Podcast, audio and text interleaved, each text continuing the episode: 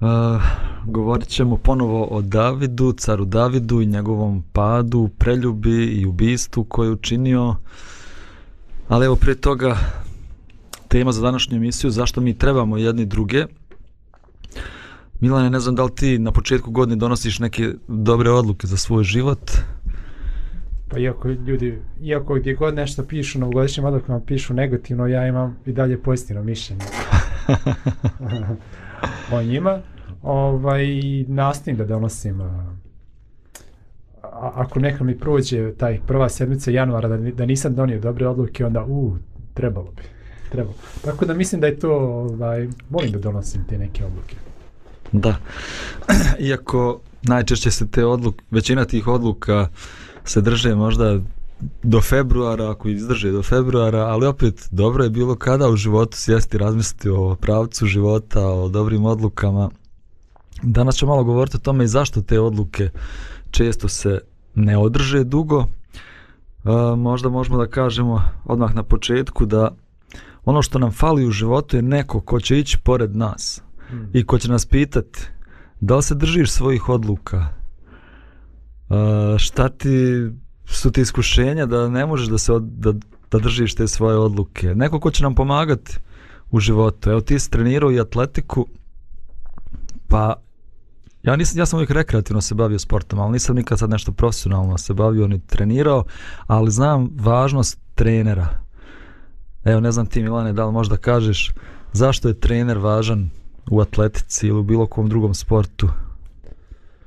Pa s jedne strane, trener je obično osoba koja ima više znanja i iskustva u pogledu na koji način uh, trenažni proces treba da se odvija. U smislu, uh, sportista, atletičar ili bilo koji sportista, on, on ima neke fizičke predispozicije i želje da bude bolji. Međutim, on ne zna na koji je, koji je najbolji način da treba da trenira da bi, da bi postigao uspjeh.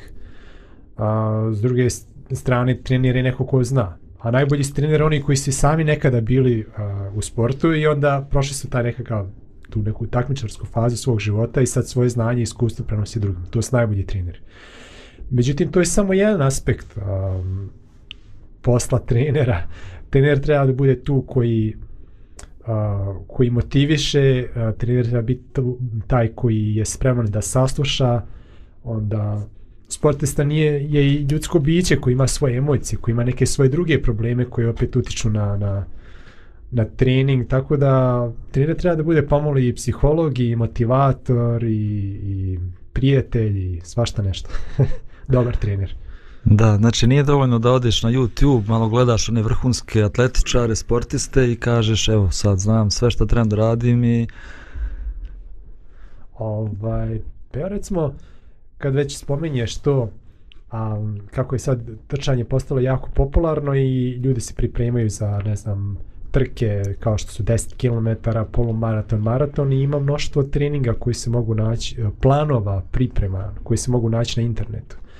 A, I sad to je povezano s tvojom temom, problem je sa tim planovima što uh, kako bih rekao, recimo imaš sad plan naredna tri mjeseca unaprijed ili, ili šest mjeseci unaprijed da se pripremaš za neku trku i, i ti imaš treninge napisane za, za svaku sedmicu, četiri, pet treninge. Međutim, problem je održati tu neku a, disciplinu a, jer, jer recimo trčanje na duge pruge je najviše u toj a, redovnosti treninga i, i strpljivosti a, jer mi nekad hoćemo da napravimo napredak u jednoj sedmici, a ne može, moraš da ideš postupno, moraš polako da povećavaš kilometražu, moraš da pola, polako povećavaš obim treninga, dozvoljavaš tijelu da se adaptira na, na veći obim i na veći intenzitet i tako dalje, a to zahtjeva određenu strpljivost. A s druge strane, nema tako dobrog napredka ako nema redovnosti.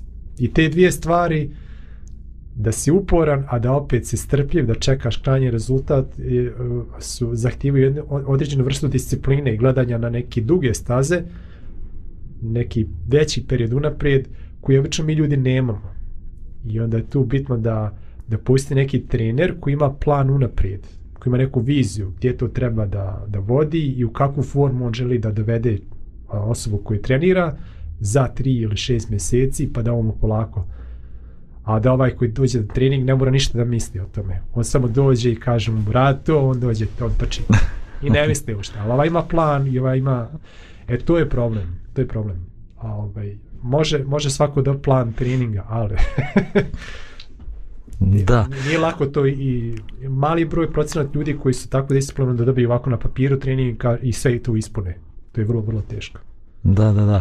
Da, sad ti govoriš o atletici, trčanju, a, sad ja ne znam, jesam like skroz, možda u, u trčanju ili ne znam, hodanju, trčanju, nije tu neka tehnika specijalna, ali recimo sportovi gdje koji zahtijevaju veću, veći stepen neke tehničke obučenosti, to je jednostavno nemoguće bez trenera. Ja sam učio bordanje, ali nisam imao trenera, bio sam samouk i onda sam uglavnom tako, gledam malo YouTube, kako se to radi i onda na planini ja to vježbam.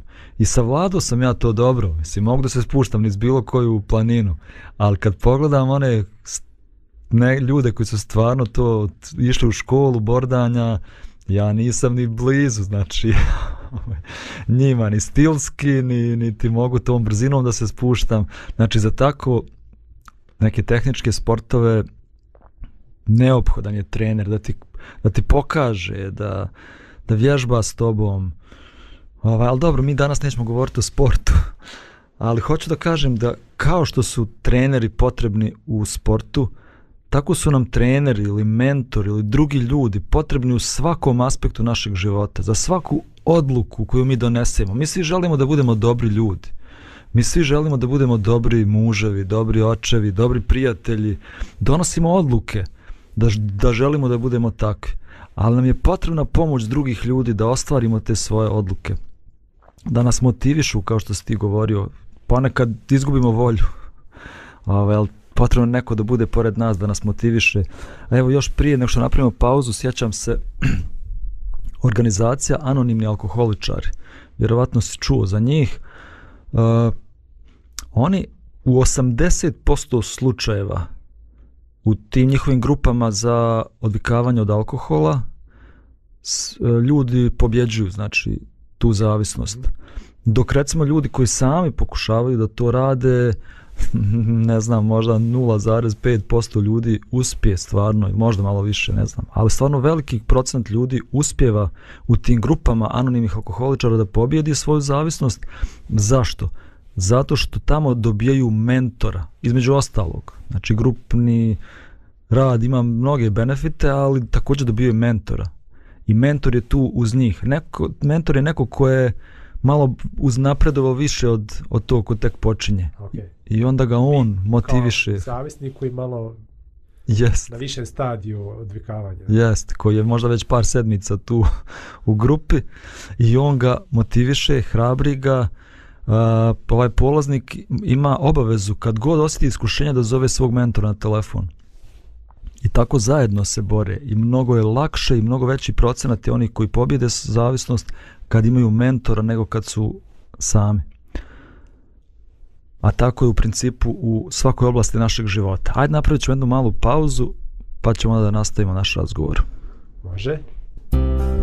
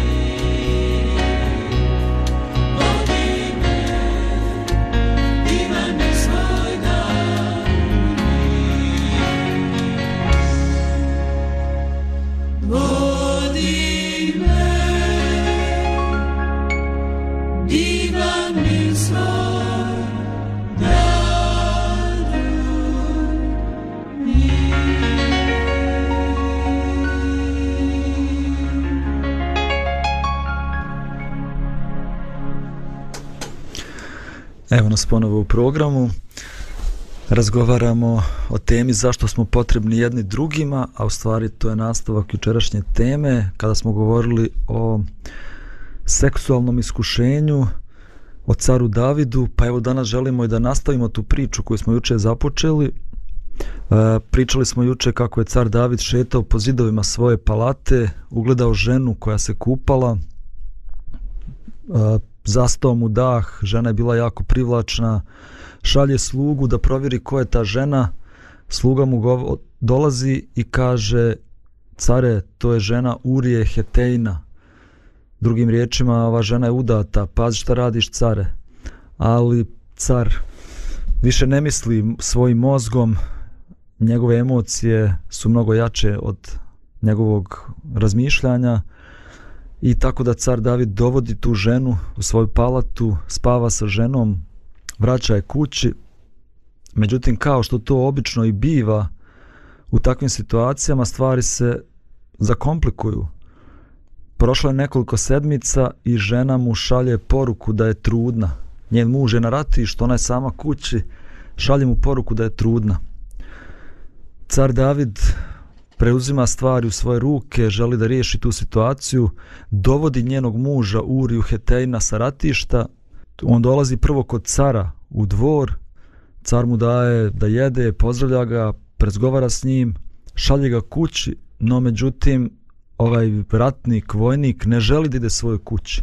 On se solidariše sa svojim drugovima vojnicima i kaže kako da ja idem kući i da ja jedem i pijem i da budem sa svojom ženom, a moji drugovi tamo na ratištu i on neće da kuće. I car je opet u problemu. A, smišlja novi plan. Sljedeći dan iznosi pred njega hranu i piće i napija ga i smatra kad ovaj čovjek bude pijan, tada će otići svojoj kući i spavaće sa svojom ženom i onda neće više biti sumnje čije je to dijete. No međutim, Urija Hetein čak ni pijan ne odlazi u svojoj kući, nego spava tu u, ispred dvora cara Davida i konačno David smišlja svoj konačni plan, piše pismo sa smrtnom presudom za Uriju Hetejna, njegovom generalu Joavu i kaže mu u tom pismu stavi Uriju tamo gdje najžešći boj, neka pogine. I Urija nosi svoju smrtnu presudu u pismu i zaista tako se i dešava. Posle nekoliko dana car dobija vijest da je Urija Hetein poginuo. Prošlo je opet nekoliko sedmica i on dovodi njegovu ženu Vicaveju u svojoj kući, u svoj dvor, ženi je i ona postaje njegova žena. I David misli, riješio sam situaciju riješio sam problem, sve je pod kontrolom. Na ovo nije kraj priče, ali ovdje ćemo se malo zaustaviti. Malo da opet razgovaramo o tome, načeli smo tu temu juče. Šta misliš Milane, kako je bilo moguće da eto, jedan takav čovjek kao David, koga, za koga se kaže da je bio čovjek po Božjem srcu, čovjek koji je pisao psalme, čovjek koji je pokazivo takvu moralnu hrabrost, kako je moguće da mu se ovako nešto dogodi? To možda predstavlja pozdjerenje za sve nas, da niko od nas nije dovoljno, da kažem dovoljno, duhovan, savršen, pobožan, a da ne bi mogao da padne u iskušenje. I da, i da zbog toga se često govori o, o potrebi da njegovanja um, stalne povezanosti sa Bogom, u smislu da mi ni jednog trenutka ne možemo da se ostanemo na sebi, na svoje snage, uh, da u svakom trenutku života postupamo ispravno. I ovaj i sad pretpostavljam da je David u tom trenutku um, kako bih rekao, nije bio u najboljem u najboljem elementu, najboljem trenutku i jednostavno um, toga je snašla. Pusti to druga stvar da on možda se i ne bi našao u tom iskušenju da je bio zajedno sa svojom vojskom a, tamo na mislim da su ratovali protiv a, Amonaca u to vrijeme znači da je da je on išao za dužnostima vladara i da je on a, bio tamo gdje su gdje je bilo teško i da je, da je neki način po, pokušavao da pomogne a, jer ipak je on imao dosta uh, vojnog i ratničkog iskustva, vjerovatno ni ne bi našao se tu situacije da, da bude besposten na dvoru i ne zna šta da radi, pa gleda na sa tarase i tako dalje. Mislim, možda je uh, besposlen, ona ima neka poslovica kaže besposlenost je hrana porodcima, tako da ko je besposlen nađe sebi nešto ovaj, nešto loše da da uradi. I to u smislu da je, da je bio zauzet nekim korisnim stvarima, vjerovatno se ne bi našao u situaciji da ono, ide na terasu, gleda okolo šta ima, ovo vidi ovo i tako dalje. Tako da ovaj, to su neki, neka moja zapažanja iz tog događaja. Da, Ma ja se slažem sa, sa svim ovim što si ti rekao. Naravno, eh, evo ja svako jutro ustanem i svako jutro provedem vrijeme neko moje lično vrijeme sa Bogom u smislu čitajući sveto pismo, moleći se Bogu, tražeći od njega snagu da živim moralnim životom, ali to nije garancija, mm. jer smo mi ipak tjelesni ljudi i grešni ljudi. I to nije garancija da, da nećeš nikad doći u iskušenje ili da nikad nećeš pasti u iskušenje. E, također, e, naravno, kad smo kad radimo, kad smo vrijedni, kad smo zauzeti, nemamo toliko puno vremena da razmišljamo o, po nevažnim stvarima i nekako iskušenja manje dolaze u naš um nego kao kad smo besposleni. Ali opet, uh, džavo ne spava, što se kaže. Mm. I on će naći načina da te iskuša. Radio, ne radio, on zna kako da te iskuša i iskušenje će doći. Uh, Ali ja danas želim da, da, da možda jedan drugi aspekt spomenemo. Da, zašto je David pao? Zašto mu se sve ovo dogodilo? Možda zato što je bio sam. Zato što nije imao nikog pored sebe. Zato što nije imao prijatelje koji bi ga zaustavili u ovoj njegovoj namjeri. Koji bi ga prodrmali i koji mu rekli Davide, probudi se, ovo što radiš nije dobro. Mm.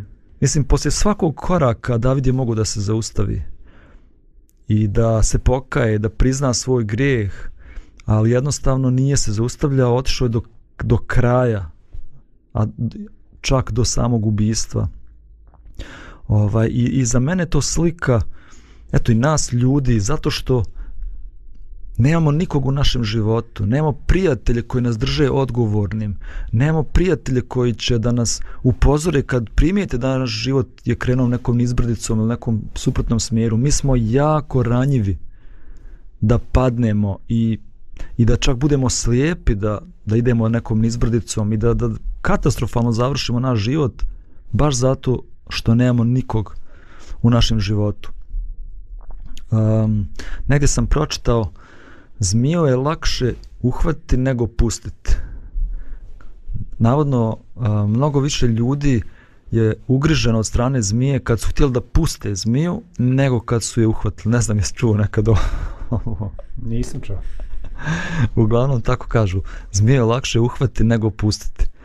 Ali tako je i sa grijehom u životu. Lako ga je uhvatiti, ali teško ga je pustiti. Hmm a, tragična, tragično svatanje nas ljudi jeste da mi možemo sa zmijom da se borimo sami. Uhvatiš zmiju i misliš sam ću ja da, da se izborim sa tom zmijom.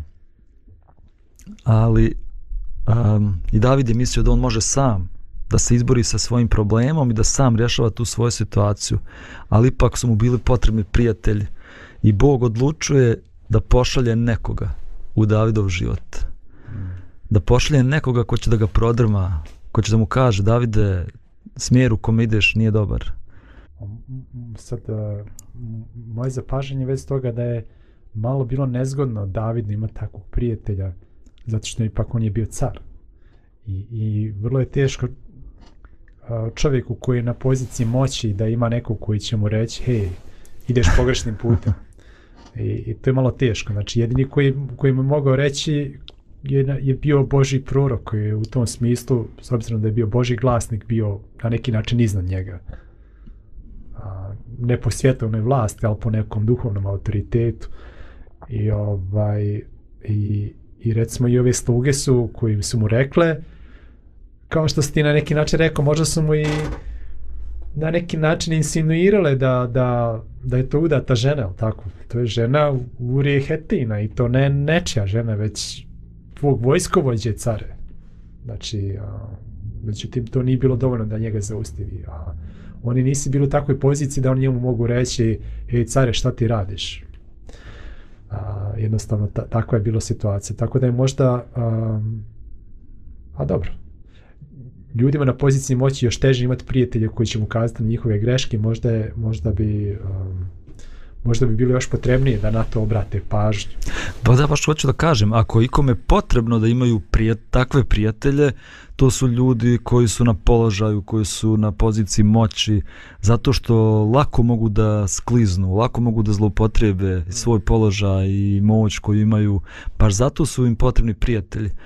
Ali eto, ne znam šta je to što što jednostavno ne, ne dopušta, valjda vjerojatno njihov ponos i ego, moguće i da im odgovara, kako bih rekao, možda su se navikli na taj jedan svijet gdje, gdje većina ljudi kojim su okruženi njima podređeni i možda to on, možda to sa mi ne znamo kako to kako bi to uticalo na naše ego zamisli da sad mene neko postavi da ja budem car neke zemlje i sad vjerojatno u početku bilo jako neobično svi mi se nešto klanjaju svi mi nešto se obraćaju ljubazno sve nešto a, uh, pitaju za moj dozvol i tako dalje. Međutim, vjerojatno bi se s vremenom adaptirao na takvu ulogu i počeo da razmišljam o sebi, da sam ja zaista po prirodi nekako iznad tih ljudi. I, i u tom, tom smislu čovjek postane možda oholi, arogantan i, i nespreman da, da, se, da bude ponizan i mali u svojim očima, zato što nije mali u očima drugih oko njega. Da, da, definitivno. Uh, I naravno, priča se nastavlja dalje.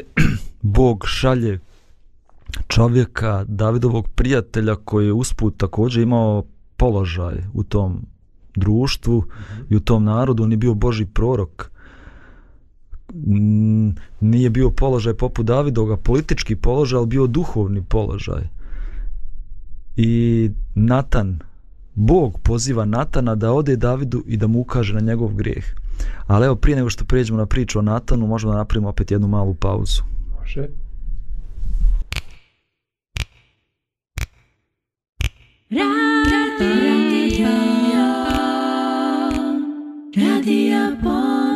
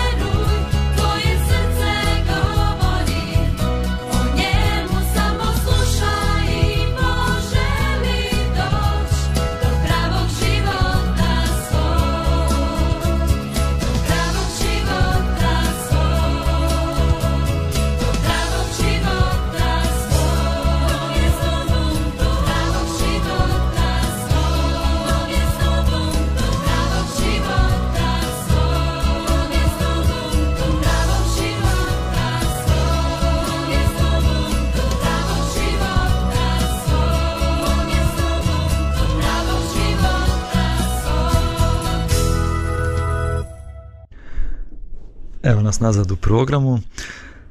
E, nastavljamo priču o caru Davidu koji je doživjeran težak pad u životu, učinio preljubu, zatim da bi zataškao tu preljubu učinio i ubijstvo, misli da sve drži pod kontrolom, da je konačno riješio situaciju, niko neće saznati, toga se on plašio da niko neće saznati, ali u stvarnosti to nije bilo najstrašnije, najstrašnija stvar najstrašnije je bilo da niko ne sazna.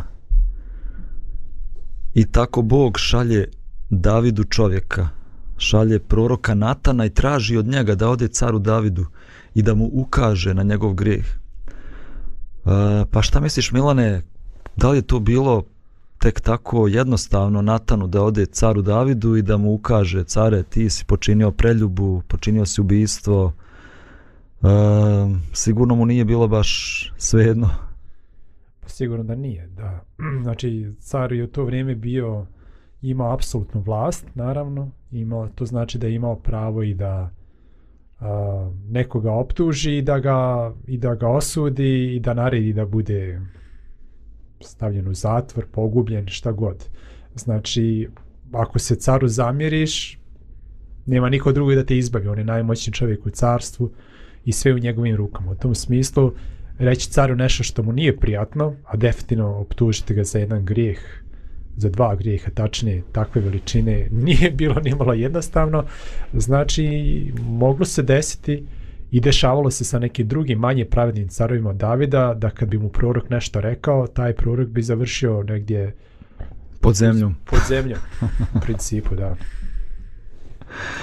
Da mu je to bilo posljednje što je prorokovao nažalost. Da, da. Tako da nije bilo lako ni Natanu, trebamo da imamo na umu da su njih dvojica i bili prijatelji i znali su se dobro. I Natan je volio Davida. Hmm. Nije išao samo tamo da ga osudi, da ga iskritikuje, da mu ka ukaže na njegov grijeh, već ga je on iskreno i volio. Ali znao i, i opasnost. David je već ubio da bi sakrio svoj grijeh. Uh, mogao je ponovo to da uradi. I tako Natan smišlja način kako da prodre do Davidovog srca. I onda zanimljivo da je našao jedan način kako da to uradi. Dolazi kod Davida i priča mu priču. I ta priča govori o jednom siromahu koji imao samo jednu ovčicu i ta ovca mu je bila sve što imao u životu i o bogatašu koji imao veliko stado ovaca i dolazi gost u kuću tog bogatog čovjeka i njemu žao da uzme od svojih ovaca da mu pripremi večeru, nego uzima tu jednu ovcu od tog siromašnog čovjeka i priprema večeru svom gostu. I kad je David to čuo, tekst kaže da se on razgnjevio i da je rekao taj čovjek treba da umre. Kako mu nije bilo žao. Kako, da, kako mu nije bilo žao tog jadnog čovjeka i te njegove ovčice. Ovaj, pa evo, zastat ćemo sad malo i ovdje. Šta misliš, zašto smo mi tako gnjevni na grijehe drugih ljudi, a slijepi za svoje vlastite? to je sad pitanje za, za duboko proučavanje. A, Mislim, zamisli, počinio si ubistvo, preljubu, kriješ to sve. I on A sad nije mi se zbog ovce je... jedne. da. Pretpostavljam da, da je ovaj da je mnogo lakše biti biti kako bih rekao osuđivački nastrojen prema drugima nego prema sebi. Da, da smo mi u principu nas, našem sudu prema drugima oštri nego što smo prema sebi. To, to je možda jedan razlog. Um, i, što, I što je možda lakše, lakše uočiti grijeh na drugome nego na sebi možda kao što je lakše uočiti da, ne znam, nija nešto na tvojoj frizuri ne valja ili nemam pojma, da ovaj, imaš nešto na licu, prljavo ili tako dalje, lakše je uočiti na licu drugoga nego na svom licu. I, um, I sad, znači treba čovjek da napravi svjestan napor da bi se gledao u ogledalo, da bi dobro, da bi dobro pogledao sve, da bi, da bi vidio nešto. Inače, to, to se ne vidi. A postoje ljudi koji nikad se ne pogledaju u ogledalo, već uvijek koji vi gledaju na druge. Znači to možda Boga biti jedan problem. Ali eto zanimljivo je to kako ovaj a, eh, kako kad se kako je David pokazao više objektivnosti kad je priča bila o nekom nekoj drugoj, odnosno trećoj osobi nego što da mu je možda Natan odmah rekao iz prve. A, tako da tako da je možda ovaj možda je to neki recept da, da kao da, da zamislimo da je neko drugi uradio ono što smo mi uradili, kako bismo, kako bismo na to gledali. možda je to neki recept za objektivnost ili veća objektivnost. Da, ja mislim da ovo recept kako mi treba da prilazimo drugim ljudima kad želimo da ih ukorimo. Mm. Natan je znao da David posle toliko vremena da on neće biti spreman da čuje istinu. Mm. I zato je on našao način kako da dopre do njegovog srca, a da ipak ne upiri prst u njega. Jest. I treba da znamo da carevi su to vrijeme imali ulogu sudje. Znači, mnogi ljudi su dolazili caru sa, nekom, sa nekim problemem koji su imali i pokušavali da mu da, kažu svoju stranu priče i da, i da ga zamoli da interveniš u njihovu korist. Tako da je car imao tu u opisu posla da kažem ulogu da sluša probleme drugih ljudi. Uh, i da interveniše. Tako da je on imao tako da je to možda da, moglo da prođe kod, kod Davida, možda je David zaista pomislio da ima takav nekakav slučaj problem u narodu i on je kao po navici, kao, kao sudija svoga naroda intervenisao i rekao tako je, on je zaslužio da umre ne znajući da, da, da govori o sebi tako da ovaj i, i David je imao a, istančan osjećaj za pravednost koji smo koji se može vidjeti u nekim drugim aspektima njegovog života, ali koji je u ovom slučaju debelo zakazao. Mm -hmm. Dobro, i u svakom slučaju, znači David se razgnjevio kad je čuo tu priču, kaže, taj čovjek zaslužio je da umre.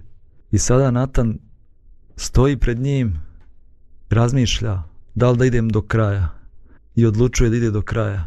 I kaže caru, care, ti si taj čovjek. Čovjek to je tvoj grijeh, care. I nastaje tajac u toj prostoriji. David razmišlja, šta da uradim sad? Natan zna. Ako smaknem Natana, niko neće znati. Ali onda jedan glas se pojavljuje u njegovom umu, glas koji ga podsjeća na one dane kad je bio radostan i živio sa Bogom, kad je pobjedio Golijata, kad se borio za Boga, ti si juče spominjao i sa lavovima i sa medvjedima, mm. sjeti se svog prijatelja Jonatana koji mu je praktično ustupio prijesto koji je njemu pripadao i sve, o svemu tome razmišlja. I onda odjednom srce koje je bilo toliko hladno, toliko kameno se topi, David pada na svoja koljena i kaže ja sam taj čovjek, to je moj grijeh pogriješio sam. Šta bi bilo sa Davidom da nije bilo Natana? Mi ne znamo koliko dugo je on živio u toj laži i licemjeru, ali sigurno je živio najmanje devet mjeseci. Devet mjeseci a, u laži, s jedne strane car naroda, s jedne strane a, vodi narod u službi Bogu, a s druge strane živi u jednom a, sa skrivenim grijehom preljube i ubistva. Šta bi stvarno bilo sa Davidom da nije bilo Natana? Šta misliš? Pa vjerovatno nikad, s obzirom da mu je bilo tako strašno da, da prizna da je, da je učinio preljubu sa ženom, tuđom ženom i to ženom svoga cijenog, cijenjenog vojskovođe, uh, da je bio spreman, spreman da posegne i za ubistvom, da bi to sakrio, e onda tek kad je uradio ubistvo, tek je onda tek bilo teško da, da bilo to, kome to otkrije.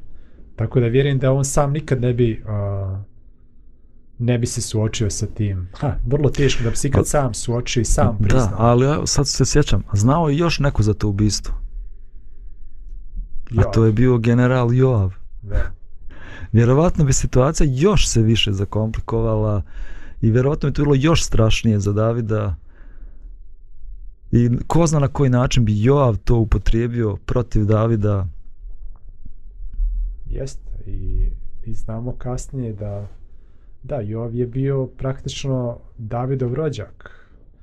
Ali, ali ne baš tako da kažem privržen pravdi kao David i da mu se i da je u dva navrata ubio ljude ne u ratu, već, već iz čiste mržnje ili, ili želje za osvetom, a, čak i na prevaru, da tako kažem, što je, što je klasično ubistvo bilo. A, i, i, I poslije ovaj, Joav je stao na stranu jednog od pobunjenih Davidovih sinova i pomogao u toj pobuni protiv njega. Tako da da imao takvu jednu stvar, ovaj, da je znao jednu takvu stvar, takvu jednu tajnu o Davidu, vjerovatno bi to mogu da iskoristi za mnogo efikasnije da, da svrne Davida sa vlasti i da postavi neke ljude koji koji ne bi bili ni po volji Bogu, a koji niti na blagoslov narodu. Ovaj. Tako da jeste, definitivno, definitivno to, to bi mu se na kraju razbilo ovoj glavu. Mhm. Mm mm. Sigurno. Ali dobro, možemo ovdje malo da, da kažemo nešto i o, o Božoj ljubavi i dobroti. Bogu je bilo stalo do Davida i pored toga što je počinio i preljubu i ubistvo, bilo mu je stalo do njegovog života i, i vodi, na, vodi njegov život tako da David dođe do pokajanja. Kasnije možemo da čitamo i o tome da su bile i posljedice određene zbog tog njegovog grijeha koji učinio ali Bogu je stalo do Davida i ne želi da, da ga kazni zbog toga što je on učinio, već ga vodi do toga da padne na svoja koljena, da svati svoje pravo stanje, da se ponovo obrati Bogu, da bi Bog mogao da ga iscijeli od svega toga i da bi mogao da ga izliječi. Uh, aj, volio bi da malo razgovaramo. Scott Peck piše o pseudozajedništvu. I on govori kako mnogi brakovi žive u takozvanom pseudo zajedništu. A gla, osnovno pravilo je da nema konflikta. Ne ljuljaj brod nikada. Nemoj da pričaš o stvarima koje, koje mogu da zaljuljaju brod, koje su teške. Mm. I tako ti brakovi žive godinama u pseudo zajedništvu, oni pričaju o poslu, o djeci, ali nikad ne idu ispod površine, nikad ne govore o svojim ranama, nikad ne govore o svojim frustracijama. I tako ti brakovi ili ti odnosi polako umiru. S druge strane, on govori o nečemu što se zove tunel haosa. A tunel haosa je mjesto gdje su rane otkopane, gdje se frustracije su iznešene na površinu, gdje se govori o problemima, gdje se govori o frustracijama. I on kaže da je nemoguće izgraditi pravo zajedništvo, a da ne uđeš u tunel haosa. Pa možda mo malo možemo i o tome da pričamo. Um, zašto je nama lakše da živimo u pseudo zajedništvu? Šta propuštamo time što živimo u pseudo zajedništvu? A... Uh. Pa dobro, tu očam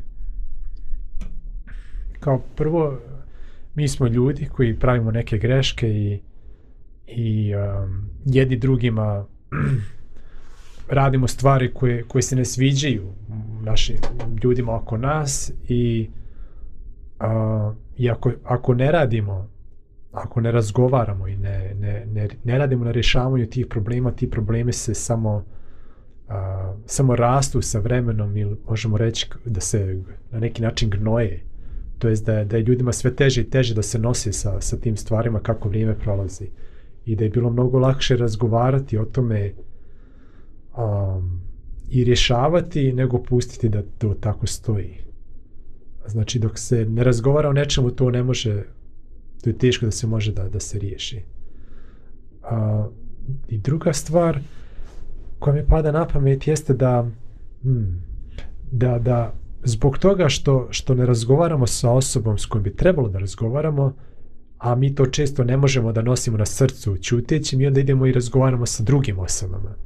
I onda, onda ogovaramo druge ljude i njihove greške i, i njihove i stvari koje oni radi, koje oni govore, koje, nas, koje nama smetiju, koje nam nerviraju, koji mislimo da, da su nepravedne ili ne znam nija šta. Uh, umjesto da to rješavamo s osobom koja, koja je to uradila i na taj način možemo, umjesto da rješavamo problem i problem uvećavamo, tako što, ne znam, nija glas o tome da smo mi nekome pričali negativno, može da dođe do te osobe i obično dođe na neki način i da to samo još više pogoršava stvar.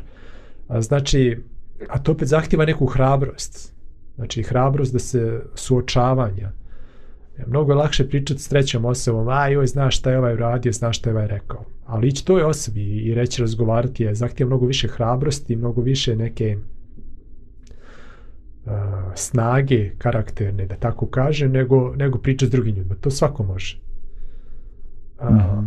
I I sjećam se, ima jedna izreka, nije izreka, ali to, to se poznati, bio, ti si bio u Americi i Engleskoj, pa tamo kažu da se nikad ne razgovara uh, ovaj, na porodičnom ručku, ne, i sa prijateljima, generalno se ne razgovara o religiji i politici. Zašto? Zato što svi imaju različito mišljenje i ako počnemo pričati o tome, doći će do neke rasprave negativne, neke svađe. Ja mislim da to nije ispravan pristup, da, da mi izbjegavamo teme o, po kojima se razlikujemo po mišljenju, već da naučimo da, da razgovaramo na jedan smiren, uh, način, prihvatijeći drugačije mišljenje, bivajući spremni da saslušamo drugo mišljenje, cijenići drugu osobu, iako, se, niko, iako nismo saglasni sa njenim mišljenjem. Mislim da su tu neke vještine koje treba čovjek da nauči, da bi a, mogli da, tako da i dalje možemo da razmenjamo mišljenje i ideje, a da ne, ne upadamo u svađe, sukobe i, i ne znam nija, da ne upadamo u situaciji da govorimo jedni drugima neke teške riječi i tako dalje. Mislim da je tu nešto što kao ljudi, zreli ljudi treba da naučimo. Da, da svijet ima 7 milijardi umova i da nijedan od njih ne funkcioniše na isti način. I da, da ljudi razmišljaju, vide stvari drugačije i da budemo spremni da saslušamo a, možda sa, i prispitamo sebe, možda možemo nešto od njih da naučimo. A, a ako ne i dalje da ih cinimo, iako se ne razlikuju mišljenje. Mislim da je to neki pravi put, a ne e, idemo sad izbjegavati bilo kakvu temu gdje, gdje bi mogli da... gdje bi mogo neko da se, da se naljuti ili nešto da, da, da se da, naslaži. Ja mislim da je bolje Bolje je čak i teške riječi upotrijebiti i potući se bolje nego živjeti u pseudo zajedništvu, da izbjegavaš uvijek ovaj, teme koje su neprijatne. Uh, negdje sam čitao kao faze prijateljstva i sad ne mogu da sjetim se sad svih tih faza, mislim da imaju četiri te faze. Prva faza kao počeši me po leđima, ono, prijatelji smo zato što imamo korist A. jedno drugoga. Pa onda kako se te faze razvijaju, ali najdublja faza prijateljstva može samo da nastane nakon konflikta. Kada se pojavi neka situacija koja je konfliktna, tada ili će to prijateljstvo da zauvijek pukne, i da više nikad ti ljudi ne budu prijatelji ili će preći u tu neku najdublju fazu prijateljstva koja može da nastane samo nakon konflikta, nakon tunela haosa, nakon što su teške riječi pale. Ovo, eto, to, je, to mi je zanimljivo, da jednostavno mi ne možemo ni da budemo pravi prijatelji ako izbjegavamo da, da govorimo o teškim temama. Mhm. Pa jest, i vjerovatno je nemoguće biti neki blizak dugo vremena da ne dođe do neke konfliktne situacije. To znači da ili da nismo bliski ili da nismo dovoljno dugo vremena jedni sa drugim. A ako smo dovoljno dugo vremena, neka takva situacija će naići i ako nismo sposobni da, da razriješimo takvu situaciju, to znači da je nešto fali u našem karakteru ili, ili to znači da nam, da nam ta osoba nije, da nam nije baš toliko stalo do te osobe kao što smo možda mislili. Sigurno, sigurno. Ok, evo vrijeme je za još jednu, možda i posljednju pauzu, pa ćemo onda da napravimo jedan mali zaključak na ovu našu temu danas.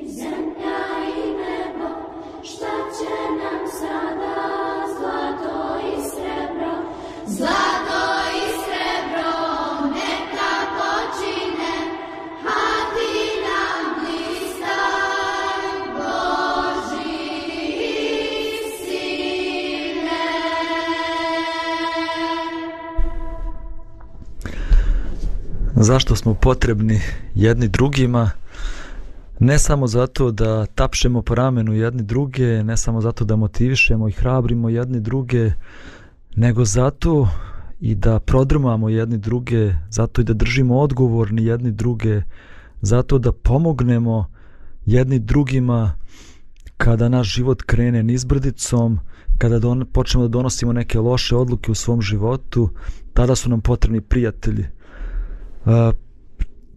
kad sam bio u Americi, evo ti sam spomenuo već ovaj, to, taj period života kad sam studirao u Americi, imali smo priliku Nataša i ja da a, obiđemo jedan park u Kaliforniji gdje su rasle sekvoje. Sekvoje su najviša drveća na svijetu, mogu da narastu i preko 100 metara visine i stvarno je to fascinantno drveće. A, čak neke sekvoje tamo gdje sam bio u tom parku su tako isječene, a, da može pu da prođe kroz sekvoju, automobili prolaze ovaj, kroz tunel, u, kroz sekvoju. I šišarke su ogromne, pa evo čak ovako, možda i pola metra nekad budu velike šišarke tog, tog drveća. Međutim, ono što mi je bilo jako zanimljivo jeste da sekvoje, iako su tako ogromne, imaju jako plitko korijenje. Njihovo korijenje seže u zemlju možda do 1 metar ili 1,5 metar najviše. I onda sam se pitao, pa kako je moguće da tako ogromno drveć ima tako plitko korijenje? Šta će se dogoditi kad duvaju snažni vjetrovi? Mhm. Zar neće srušiti ovaj, tako visoke sekvoje? No, međutim, pojenta u tome da sekvoje žive samo u zajednici. I one isprepletu svoje korijenje ispod zemlje, bukvalno znači ispre, isprepletu svoje korijenje, tako da kad snažni vjetrovi duvaju, se kvoje drže jedna drugu da ne padnu. Znači nije moguće posaditi jednu sekvoju u dvorištu. Nije. Moguće, ali vjerovatno neće držati dugo. Ovaj. Pogotovo sa ovakvim vjetrovima kakvi sad duvaju. Ovaj, Može ponaka. pas nakućiti jedna sekvoja od 100 metara, tako da bolje ne rizikovati. bolje, bolje ne rizikovati, da. Ovaj, ali eto, to je neka slika, slika života života kako ga je Bog zamislio. I mislim da Bog i želi da nas poučava kroz prirodu i kroz sve ono što možemo da vidimo u prirodi koja nas okružuje i ptice i životinje, ali eto i drveće može da nas pouči nekim lekcijama. Koliko mi treba da budemo povezani jedni sa drugima, da ispod površine onog što se vidi, mi isprepletemo svoje korijenje. Kad duvaju snažni vjatrovi, da mi bukvalno držimo jedni druge uspravnim u životu. A, pa je možda malo o tome da prozgovaramo, a zašto to nemamo? Zašto nemamo tako bliske prijatelje u životu? Zašto nemamo Natana kao što ga imao David? Pa prvi problem koji vidiš što mi volimo da, da umjesto da u jedni i drugima vidimo neke, kako bih rekao, partnere, život, ne životne partnere, već saputnike, neke ljude koji se koji putuju ovom zemljom zajedno s nama i, i koji i umjesto da vidimo jedni drugima one koji na koji možemo da se oslanimo, da pomažemo jedni drugima, da guramo jedni druge. Mnogi ljudi imaju potpuno drugačiji pogled na, na, na život i na svijet i te u drugim ljudima vide svoju konkurenciju. Pa onda se mi poredimo sa drugima, šta je on ostvario u životu, šta on ima, kakav je njegov auto, kakav je moj auto i tako dalje. Poredimo se dosta sa drugim ljudima i onda to umjesto da budemo jedni drugima prijatelji, i, i pomagači, mi bimo, gledamo druge ljude kao neku konkurenciju. I mislim da to dosta kvari, um, kvari međuljudske odnose i, i, i, i, i mogućnost da budemo, da jedni drugi, druge snažimo umjesto da, da, da na neki način obaramo. I onda da, odatle dolazi da se ljudi raduju kad neko padne, kad neko doživi nesreću, kad neko... Um, znači, um, mislim da je to pogrešan pristup životu da, da jedni drugima podmećemo noge ili da je radimo se kad neko padne ili da ili da ne znam da se poredimo jedni sa drugima. Mislim da je mnogo bolje da ovaj da guramo jedni druge i pomažemo. Ovaj tako da Evo, sjećam se jedne, jednom situacijom, se des, desilo se jednom prilikom da eto, jedan moj prijatelj s kojim sam ja trenirao možda i dvije godine, i nešto sam se bio povrijedio, imao sam neki problem sa kičvom, ovaj, i onda mi se taj živac, ješjadikus u nozi mi je, me je bolio kad trčim. Ja to tad nisam ni znao ni šta je, ni kakva je situacija, da li je život uklješten i bojao sam se da treniram dok, i tako dok sam čekao CT prošle godine dana i više. I kad sam se napokon vratio i mi nešto trčimo zajedno i me kaže da znaš da mi je bilo malo drago kad se povrijedio. Ja ono, pa što? Pa što? pa kao ono, uvijek si bio malo bolji na trkama od mene, pa ovaj, pa, pa zbog toga. Ja kažem, pa dobro da smo nas dvojica bili među prva tri, pa sad ja budem prvi, a ti nikako, ti uvijek drugi, pa sad malo i ti da budeš prvi. Već ja budem stoti, a ti sto prvi. Kakve veze ima? Kakve veze ima? Jel jedan više ili manje ispred tebe? I, ovo, I zar ti nije više pomagalo kad treniraš s nekim, ne kad treniraš sam. To ti mnogo može više. Zbog toga možda napredeš pet mjesta ili deset možda. I meni je bilo začuđeće takav jedan stav. Čak i od čovjeka s kojim sam ovaj, eto, bio blizak i, i puno smo pričali i trenirali zajedno. A, mislim da je to potpuno pogrešan stav. Po, potpuno pogrešan stav u životu. I, i treba a, i treba pomagati ljudima, podržavati ljude i, i radovati se kad uspije u nečemu i jer kao što je rekao Steven Covey tamo u knjizi ono koji smo spominjali ovaj da uspjeha ima dovoljno za sve. Da, da. Ako je neko uspio, to ne znači da sam ja, da sam ja pretrpio poraz. Već ja mogu da se radim njegovom uspjehu znajući da uspjeha ima dovoljno i za njega i za mene. super, super. Um, ajde malo da okrenemo na drugu jednu stranu. Uh, Ne znam da li znaš, u Novom Zavjetu postoje tri stotine stihova, takozvanih jedan drugome. Mm. Hrabrite jedan drugoga, čašću uzdižite jedan drugoga, Uh, nosite bremena jedan drugoga. Praštajte jedan drugome. Praštajte jedan drugome. Uh, čitav novi zavjet je u stvari pisan za zajednicu. Za ljude koji žive u zajednici. Uh, i ta zajednica bi trebala i, i, i razlog zašto i postoji zajednica jeste da mi možemo jedni druge da da hrabrimo, da jačamo, da podižemo, da motivišemo, jer tako lakše možemo da napredujemo. E sad, da se da mm -hmm. kratka opaska, mnogi ljudi današnje vrijeme nekako je zajednica je na, na lošem glasu i onda mnogi ljudi religiju identifikuju sa zajednicom, a, a a vjeru sa nekim ličnom duhu, a duhovnost je nešto lično. I onda mnogi ljudi ne žele da pripadaju da pripadaju, da bude dio neke grupe ili zajednice, baš eh, ne želeći da da, da ih drugi ljudi negativno gledaju. A u principu, kao što ste sad rekao, nemoguće biti hrišćanin, a sam. Jer ima preko 300 zapovijesti koji su dali eh, Hristos i apostoli, koje je nemoguće držati sam. Kako možeš sam da živiš i da budeš izolovan na neki način, a da ne voliš drugoga, da ne praštaš drugome, da ne govoriš istinu drugome. To je sam nemoguće da uradiš. Jedino ako si dio neke grupe. Da, da, sigurno. Evo, vrijeme nam polako izmiče. E, čitam knjigu također Atomske navike i sad e, taj pisac govori o tome kako je mnogo lakše neku dobru naviku sprovesti u grupi. Hmm jer više nisi ti samo jedan pojedinac tu, nije tvoj identitet samo, ne znam, nija ja sam sportista, nego mi smo sportisti ovaj, i mnogo je lakše sprovesti dobre navike kada si u grupi. A mnogo je lakše živjeti duhovnim životom, izgrađivati svoj duhovni život, sprovoditi duhovne discipline u životu, izgrađivati karakter u zajednici nego sam. A evo, dosta mislim za, za današnju emisiju, evo sad je već skoro 12 sati. Eh, pozivamo naše drage slušalce da nas prate i narednih dana. Bićemo s vama ponovo sutra u 11 sati, a možete također slušati naše kolegu Zdravka sa njegovom novom emisijom u 1 sat. Emisija se zove Da te blagoslovi gospod. Lijep pozdrav i do slušanja i do gledanja. Pozdrav.